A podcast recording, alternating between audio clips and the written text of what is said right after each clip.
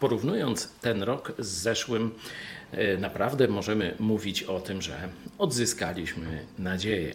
W zeszłym roku było dość minorowo e, i wojna bez jakiegoś rozstrzygnięcia i PiS w szczycie swojej tych dyktatorskich zapędów.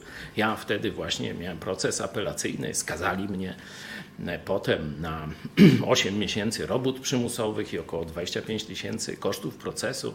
Także nie było wesoło.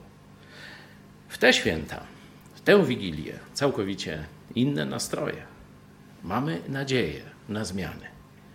I o to się módlmy, by nikt nie odebrał nam tej nadziei, byśmy nie dali się zniechęcić, byśmy nie dali się e, powiedzieć, że w Polsce to jednak nic się nie uda, byśmy robili swoje, a Bóg zrobi resztę.